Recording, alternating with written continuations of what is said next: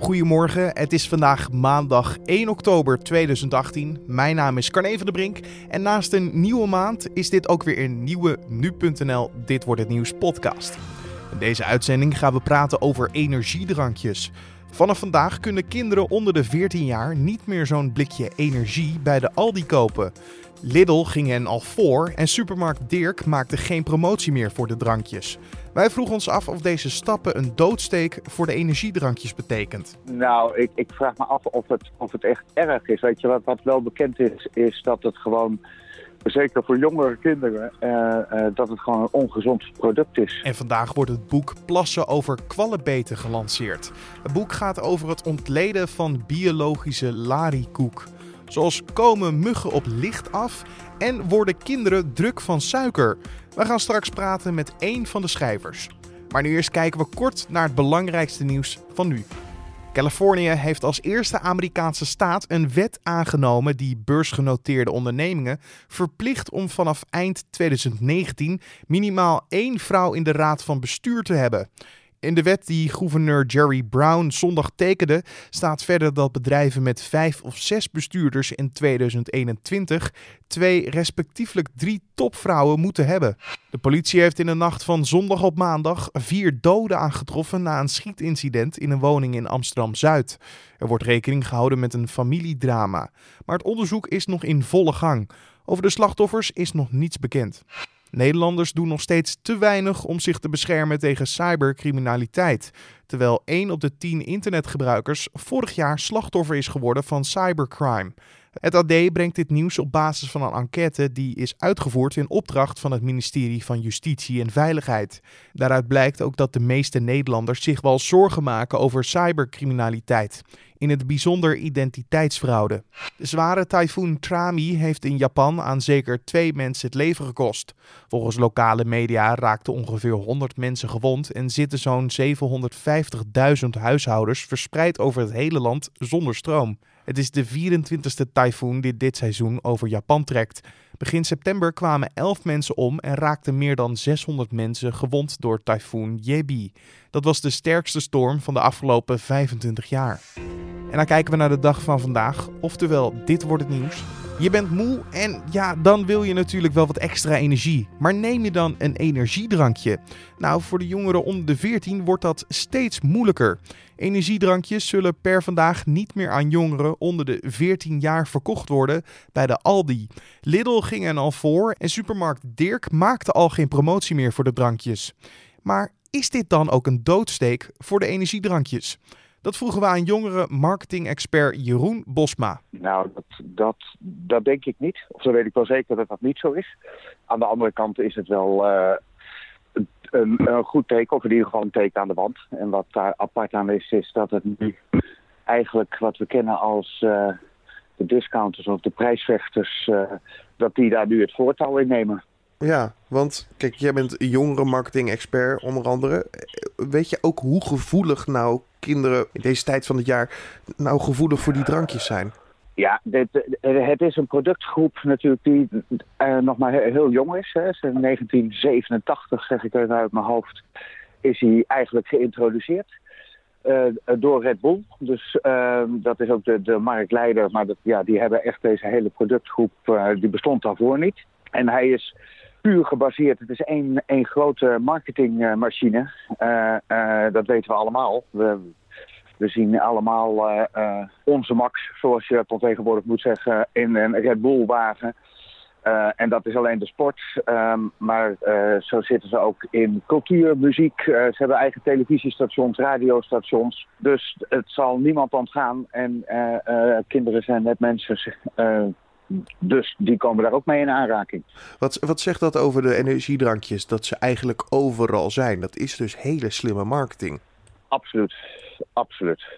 Ja, weet je, het is echt. Uh, ze hebben niet alleen de, de, het product geïntroduceerd, maar zij zijn ook echt de voorlopers in gewoon een, een andere manier van marketing. Weet je, ze, ze hebben hun eigen sporten. Uh, dus het is niet alleen maar.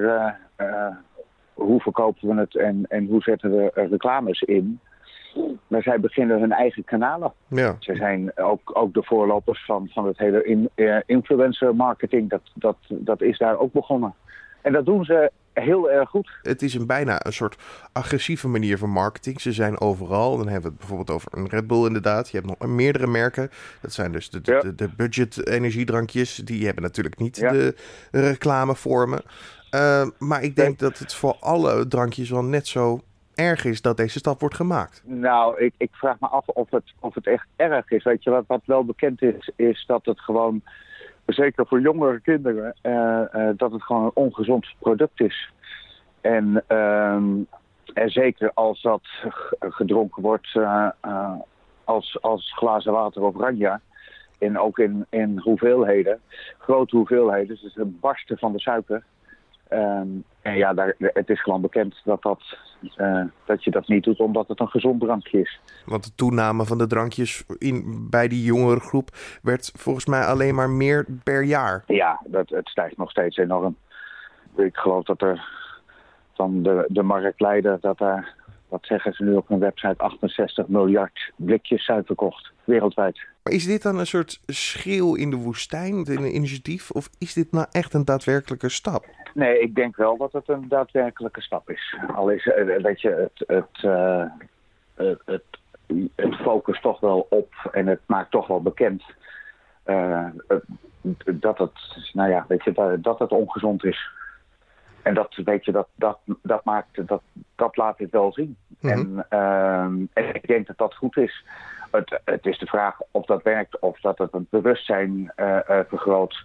Um, dat weet ik niet. Dat, dat, dat kan je eigenlijk wel zeggen dat dat natuurlijk uh, niet zo is. Uh, en het, het zal ook nog zijn dat de ouders naar de supermarkt gaan en de drankjes nog steeds blijven kopen voor hun kinderen. Dus ja, wat dat betreft zou er gewoon ook echt voorlichting moeten komen over de gevaren van, de, van het product. Ja. Hoe denk jij dat het in de toekomst nog zal verlopen? Zal er een, nog een grotere anti-lobby voor de drankjes komen? Of? Ik denk dat het gestaafde vraag is nu of, uh, of de andere supermarktketens uh, hierin gaan volgen. Je hoorde jongere marketing-expert Jeroen Bosma. Vandaag begint de Week van de Biologie. Dat is een week waarin het Nederlands Instituut voor Biologie iedereen een beetje bio-wijzer wil maken.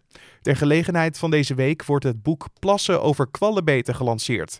Het boek laat op een luchtige wijze zien hoe het echt zit met meer dan 50 hardnekkige biologische misvattingen. Zoals word je verkouden als je zonder jas naar buiten gaat, komen muggen in de avond op het licht af en heb je wel eens geplast over een kwallenbeet. Maartje Kouwen, Stijn van Schie en Koen Moons zijn biologen en wetenschapsjournalisten. Tevens zijn ze ook de makers van dit boek. Ik sprak Stijn van Schie en ik vroeg hem hoe dit boek nou eigenlijk ontstaan is. Uh, ja, nou, vandaag begint de Week van de Biologie, uh, waarin door heel Nederland allerlei activiteiten te doen zijn op het gebied van biologie. Excursies, lezingen. En uh, in het kader daarvan, ja, wij willen eigenlijk Nederland een beetje bio-wijzer maken als het ware. Informeren over nou wat er in de biologie speelt. En zodoende zijn we het afgelopen jaar op zoek gegaan... Ja, eigenlijk naar de 50 grootste misvattingen die we konden vinden. Uh, en dat komt ook mede doordat we ja, vaak gewoon dingen horen die niet waar zijn.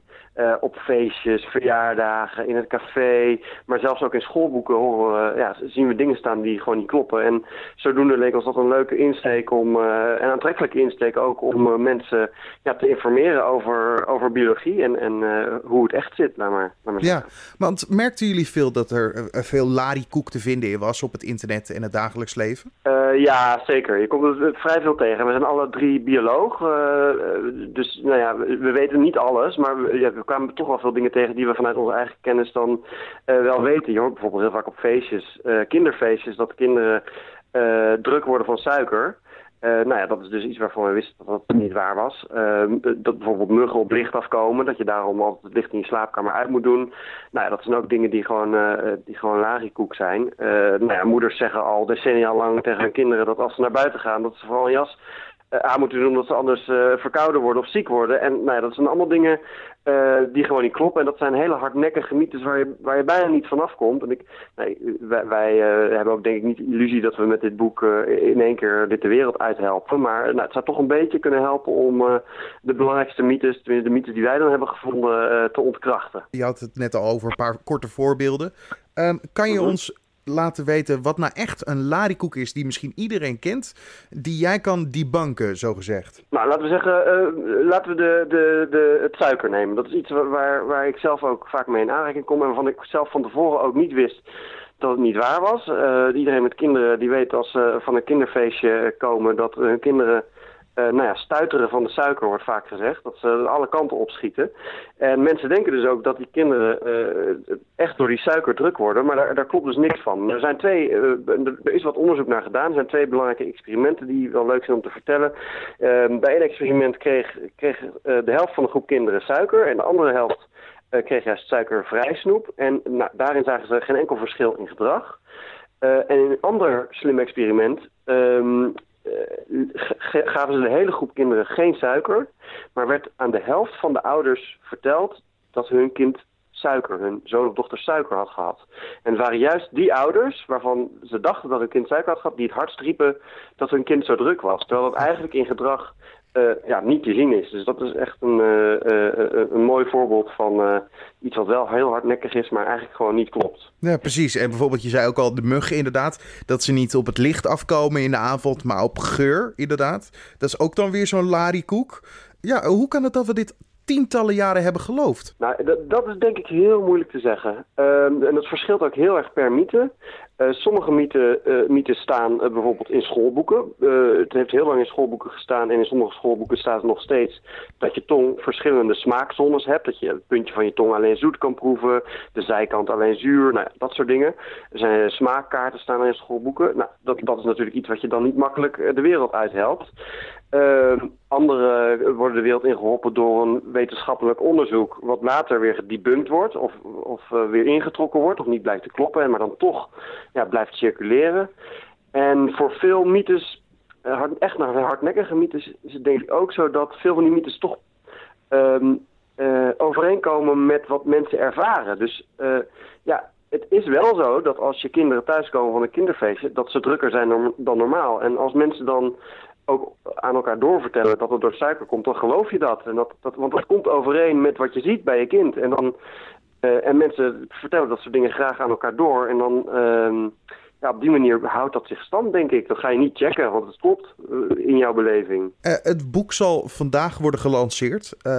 Ja. Is dit dan maar het begin van de kruistocht tegen de zogeheten oma-weetjes? Of komt er nog een vervolg?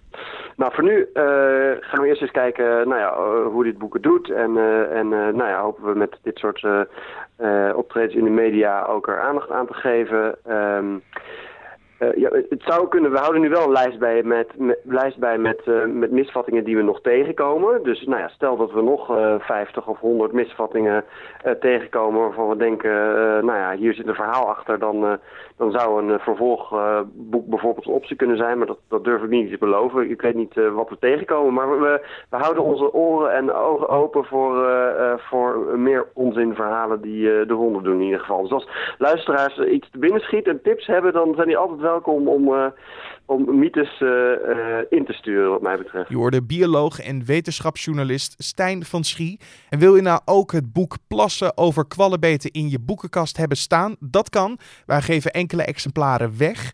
Wat je daarvoor moet doen is een mailtje sturen naar redactie.nu.nl. Dus redactie.nu.nl. En leg uit waarom jij dit boek wil hebben. De Hollederzaak gaat vandaag verder met de behandeling van de zaakdossiers Agenda en Perugia. Dat zijn de moorden op Kees Houtman in november 2005 en Thomas van der Bel in april 2006. De moorden op de twee mannen zijn ook behandeld in het liquidatieproces Passage. Dino S. werd toen veroordeeld tot levenslang voor het opdrachtgeven voor deze liquidaties. Opvallend genoeg zei het gerechtshof van Amsterdam dat het er niet aan ontkwam om ook Holleder als opdrachtgever voor de moord op Houtman aan te wijzen. Vandaag staan twee bedrijven uit Nederland en Bahrein, de leidinggevende en twee medewerkers van het Nederlands bedrijf, voor de rechter. Zij worden verdacht van fraude in het kader van export van gasturbine-onderdelen naar Iran, zonder de verplichte uitvoeringvergunning. Dit was in de periode 2008-2010. Behalve de strafzaak wordt ook de ontnemingszaak behandeld. Het Openbaar Ministerie wil bij de verdachte gezamenlijk ruim 13 miljoen euro ontnemen. En dan nog even het weer. Door een stevige noordwestenwind trekken er enkele buien over het land.